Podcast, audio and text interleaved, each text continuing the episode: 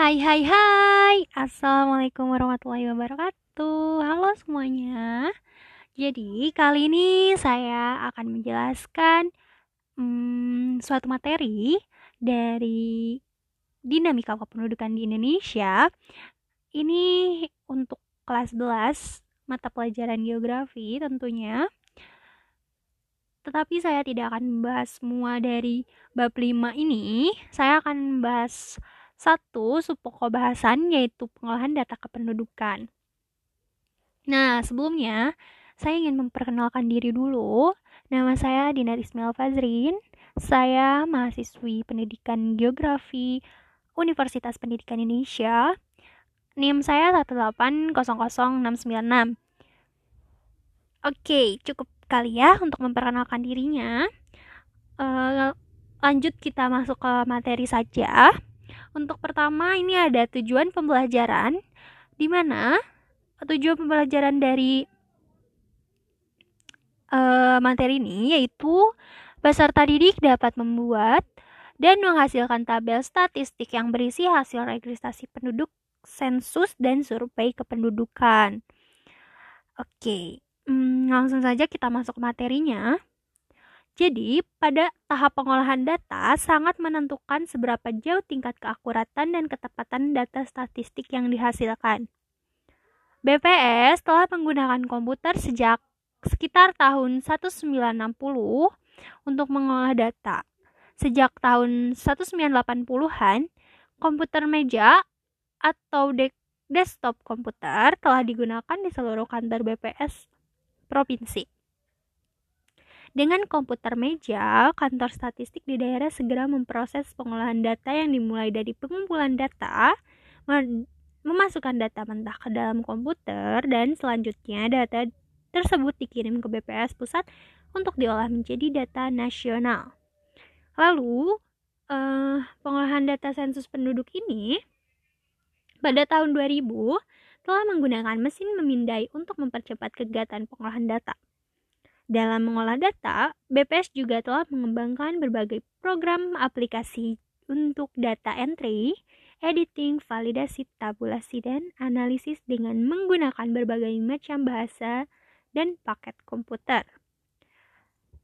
Nah, di dalam tahap pengolahan data ini ada dua kegiatan pengolahan data kependudukan. Apa aja sih? Hmm, apa yuk? Nah, oke kita bahas ya.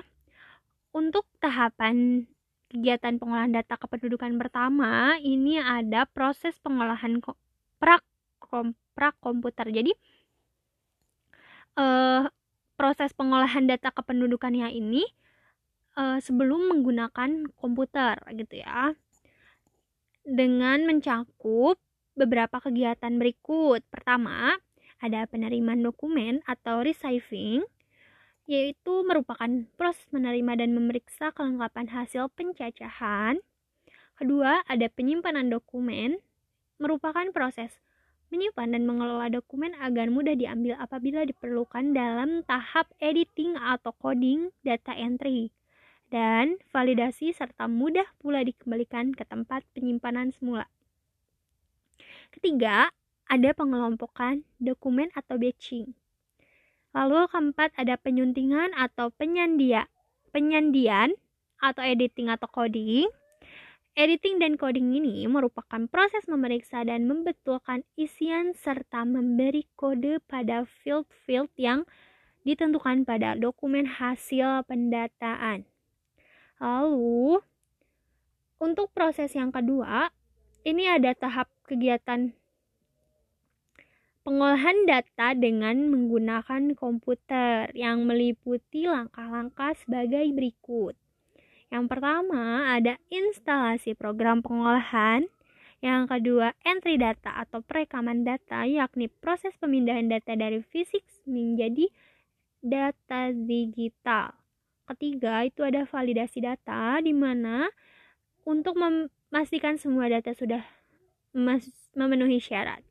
Lalu keempat ada backup data, adalah proses duplikasi file komputer pada berbagai data macam media penyimpanan untuk pengamanan data.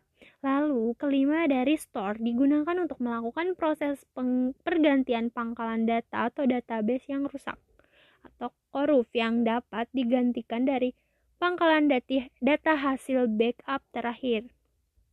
Lalu, keenam ada gabung data untuk menggabung pangkalan data kabupaten atau kota dan terakhir ketujuh ada percetakan laporan. Nah, mungkin materinya cukup segitu dulu dari saya uh, hmm, karena emang untuk kali ini hmm, kita cuman bahas sub pokok bahasan jadi cuma satu sub pokok bahasan yang kita bahas oke okay. Mungkin cukup sekian podcast kali ini terima kasih untuk kalian yang sudah mendengarkan hmm, selamat belajar dan semangat Dadah semuanya. Wabillahi taufiq wal hidayah. Wassalamualaikum warahmatullahi wabarakatuh.